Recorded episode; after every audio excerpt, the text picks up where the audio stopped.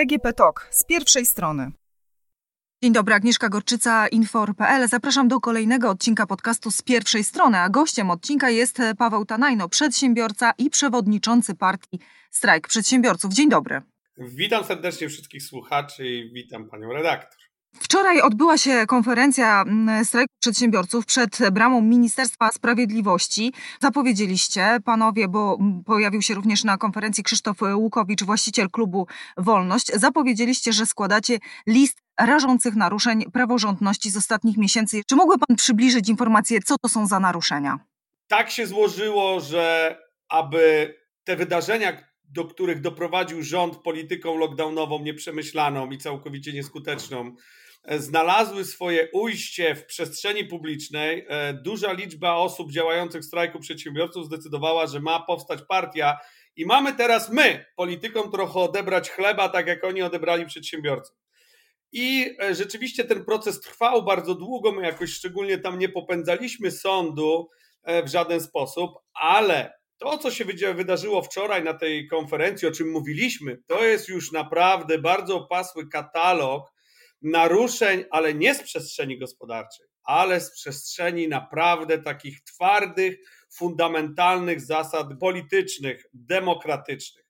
Bo jeżeli w Polsce mamy przeświadczenie, że żyjemy w kraju demokratycznym i zgodnie z konstytucją każda grupa społeczna, e, światopoglądowa, która chce cokolwiek zmienić w tym kraju, musi tworzyć tą partię polityczną, bo tak świadczy o tym konstytucja, no to się nagle okazuje, że jeżeli ci przedsiębiorcy, którzy zostali pokrzywdzeni przez rząd PiSu, chcą stworzyć partię, to ta partia ze wszech miar jest traktowana tak jak opozycja na Białorusi czy w Rosji. I ten katalog, e, który złożyliśmy wczoraj e, Ziobrze, on ma na celu trochę taki, mówiąc po młodzieżowemu, challenge dla e, pana ministra sprawiedliwości, bo on zawsze opowiadał, e, w, szczególnie wobec tego funduszu odnowy, że jemu się nie podobają zapisy warunkujące, że e, ten fundusz odnowy od przestrzegania praworządności a niestety ta praworządność w Polsce właśnie w przypadku opozycji jest łamana. I pan Ziobro też mówił, że my sobie sami poradzimy i sami zadbamy o tą praworządność i demokrację.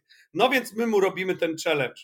E, mówimy, panie ministrze sprawiedliwości, prokuratorze generalny, proszę, oto lista naruszeń władzy wykonawczej poprzez rękami policji, prokuratury, sanepidu oraz innych urzędów, E, które po pierwsze uniemożliwiają spotkania e, członków partii strajk przedsiębiorców, prowadzą inwigilację, przesłuchują ludzi na okoliczność tego, co się działo na tych spotkaniach, jacy są członkowie, o czym rozmawiali, jakie były jakieś deklaracje, uchwały.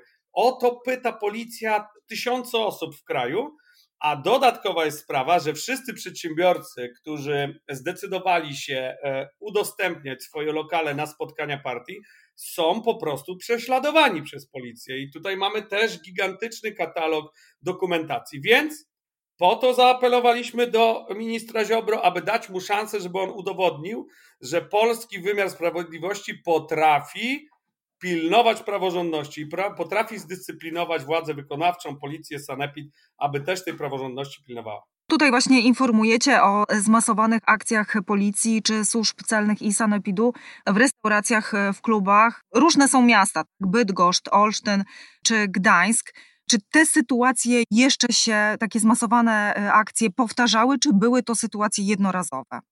Nie, to są właśnie, dlatego zgłosiliśmy to pana ministra i dlatego z tym czekaliśmy, bo mogliśmy już zgłaszać w styczniu, mogliśmy zgłaszać w lutym, ale czekaliśmy i sumiennie odnotowywaliśmy te wszystkie akcje, zbieraliśmy dowody, zbieraliśmy e, dokumenty, nagrania, e, wyjaśnienia tych ludzi, którzy byli przesłuchiwani, a czasem nawet oni nagrywali te przesłuchania, więc dla uwiarygodnienia je słuchaliśmy. Zbieraliśmy po prostu dokumenty, dlatego, że oczywiście nie, e, nie wierzymy za bardzo w deklarację pana ministra i prawdopodobnie te sprawy trafią na łono organów międzynarodowych, na, do Komisji Europejskiej, ale ponieważ uważamy, że najpierw spróbujmy to załatwić na swoim podwórku, no to dajemy szansę panu ministrowi. I one się powtarzają, te sytuacje, w wielu miejscach przez dłuższy okres czasu. Ma to charakter typowej, zorganizowanej grupy przestępczej. Tak te działania są bardzo, bardzo nietypowe. Pani redaktor wymieniła tu jakieś tam najścia na kluby. Okej, okay, To się wydaje typowe, bo policja nigdy nie wie, e, albo przynajmniej udaje, że nie wie, czy to są spotkania partyjne, czy może to jest zwykła działalność klubu, ale są rzeczy, które naprawdę szokują. No mamy w klub w Bydgoszczy, w którym policja po interwencji Rzecznika Praw Obywatelskich wycofała się, przestała blokować spotkania partii strajk przedsiębiorców, ale za to zrobiła wszystko, żeby zniszczyć właściciela lokalu. Wysłali pisma do inspekcji nadzoru budowlanego, domagali się wręcz, żeby inspekcja nadzoru budowlanego odebrało prawo użytkowania. Chodzili po sąsiadach, żeby ci sąsiedzi pisali skargę, że jest za głośno, namawiali wręcz ludzi. Oni często też straszą, że jak się nie, ktoś tam nie podporządkuje, to będzie zamieszany w jakieś sprawy, będzie chodził po sądach, ludzie się boją sądów, wszyscy strachy działają. To są rzeczy szokujące, naprawdę. Wczoraj apelowałem na konferencji, żeby tą sprawą też się zainteresowała opozycja, bo to, że są w parlamencie, mają jakieś uposażenie finansowe, to nie powinno im e, uśpić ich e, czujności, gdyż dzisiaj niszczy się opozycję pozaparlamentarną, a jeżeli ta pozaparlamentarna opozycja zostanie zniszczona tymi metodami, no to za chwilę się okaże, że te metody świetnie działają na kolejną partię, na PSL, na Konfederację, a może na słabnącą platformę, która zostanie dobita w ten sposób. Ja też zadawałem pytania, czy kiedykolwiek jakakolwiek z partii opozycyjnych była w ten sposób traktowana, że przed ich zebraniem stali policjanci i spisywali ludzi, którzy wchodzą na zebranie partyjne. No to są rzeczy naprawdę niebywałe, to co się działo przez ostatnie miesiące. No i dajemy na razie szansę e, polskim organom sprawiedliwości, a potem będziemy z tym szli dalej. Szansę dajecie i jakiej reakcji się w takim razie spodziewacie? Co by było dla Was ok, zadowalające? W pierwszej kolejności liczymy na natychmiastowe zaprzestanie wszelkich dotychczasowych praktyk, czyli nękania tych właścicieli, którzy pozwolili w swoich lokalach e, zgromadzić się ludziom, którzy przystępują do partii strajk przedsiębiorców. To jest podstawowa sprawa. Więc to będzie dla nas najważniejszy sygnał, czy, czy to działa. A w dłuższym wymiarze czasu nie robimy zbyt wielu nadziei, że no, jak to mówią, e, wrona wronie oka nie wydziobie i też no, nie liczymy, że tam nagle minister Ziobro zacznie ścigać tych wszystkich prokuratorów, policjantów, którzy no, dopuścili się przestępstw. To jest artykuł 119 kodeksu karnego, który mówi o tym, że się kogoś dyskryminuje ze względu na poglądy polityczne, a dyskryminacja naszych członków naszej partii jest oczywista, bo żadna inna partia nie jest w ten sposób traktowana.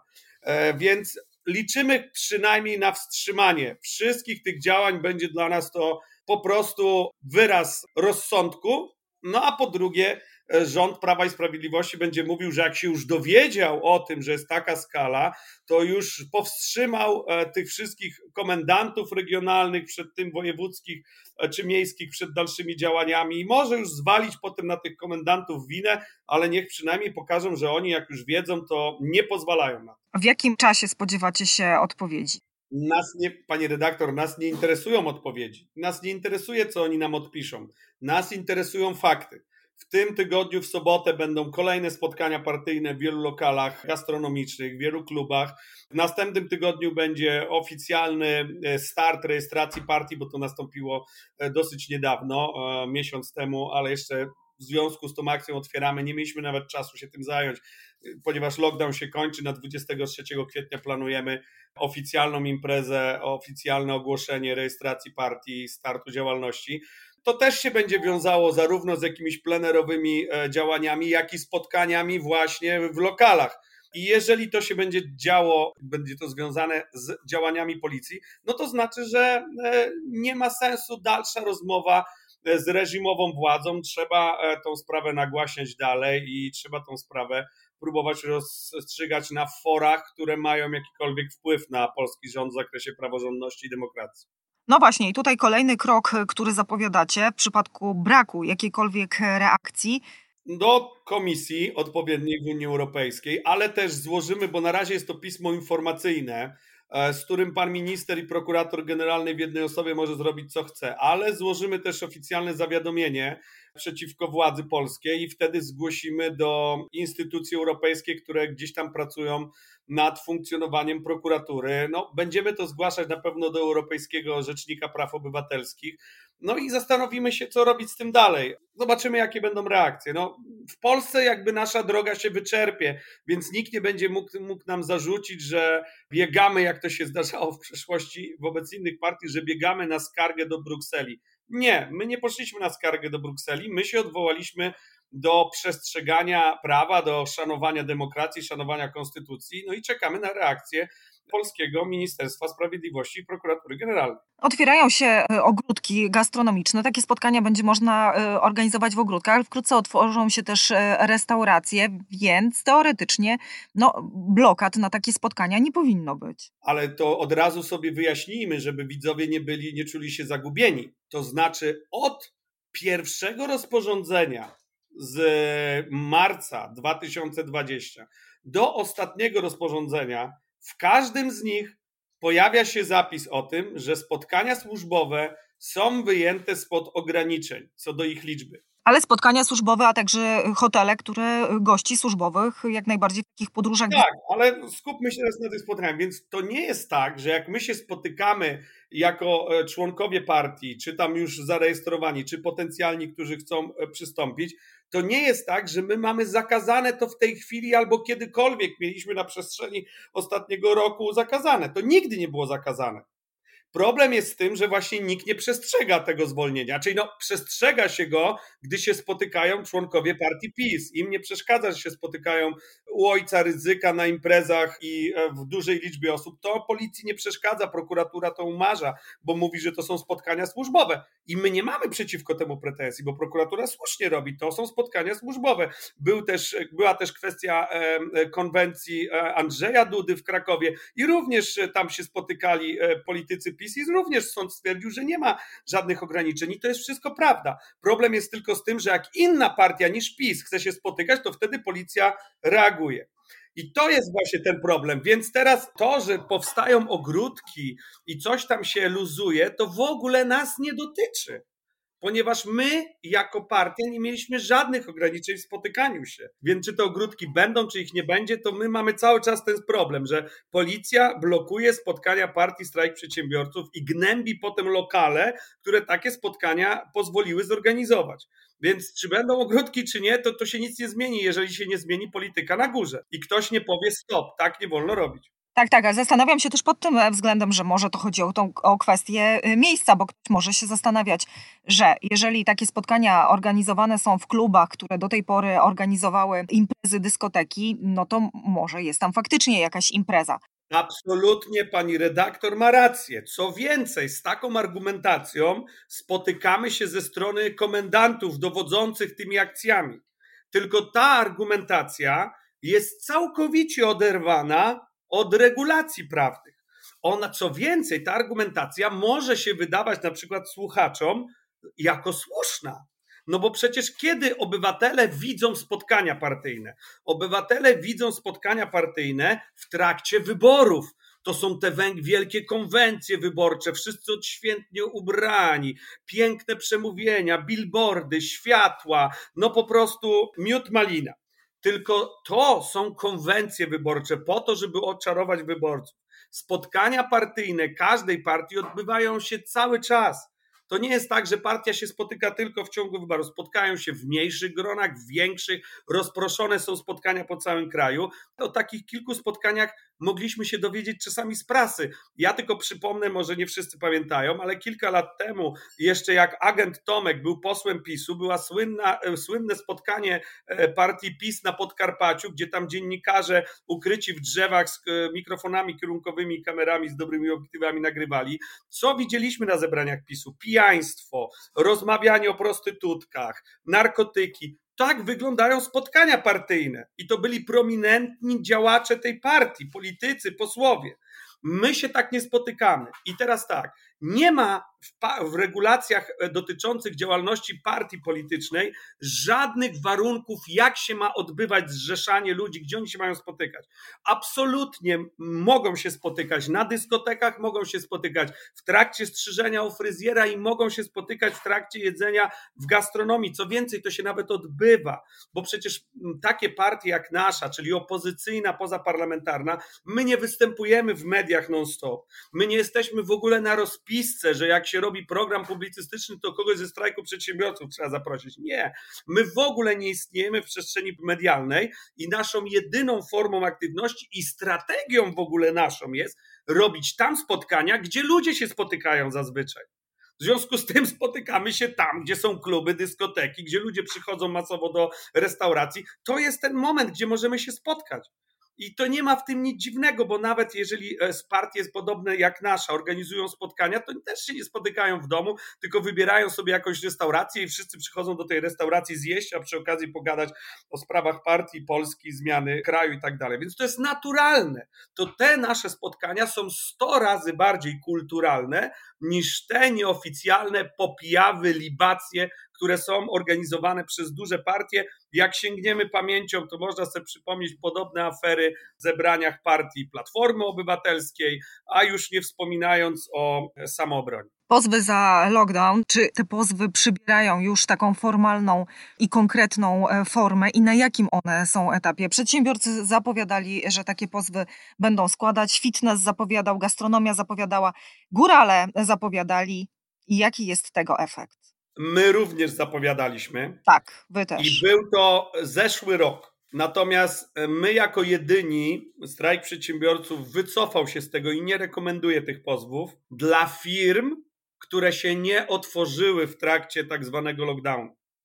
Dlatego, że od stycznia poznaliśmy utrwaloną już naprawdę w ogromnej liczbie wyroków sądów administracyjnych, cywilnych, karnych, linię orzecznictwa sądowego, która w całości kwestionuje wszelkie obostrzenia związane z lockdownem. Oczywiście, żeby słuchacze mieli świadomość, nie chodzi o kwestionowanie ich zasadności, czyli sąd nie mówi, że o, nie było wirusa, to jest niepotrzebne. Nie. Sądy kwestionują ich zasadność, jeżeli chodzi o sposób uchwalenia, a co za tym idzie, o prawomocność.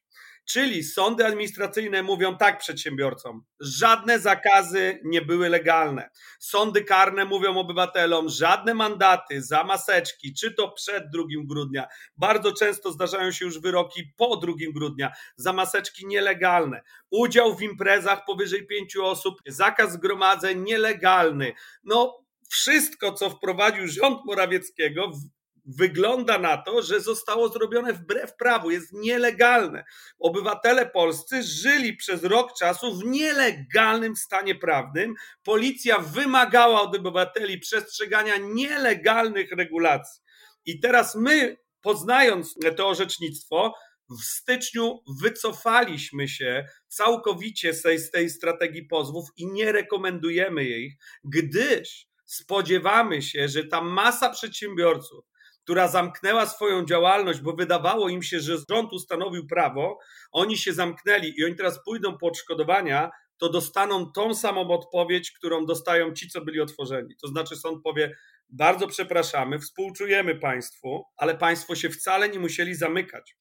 Mogliście działać, skoro się zamknęliście przy braku legalnego zobowiązania do zamknięcia, no to zamknęliście się tylko i wyłącznie swoją własną decyzję, odszkodowanie się nie leży.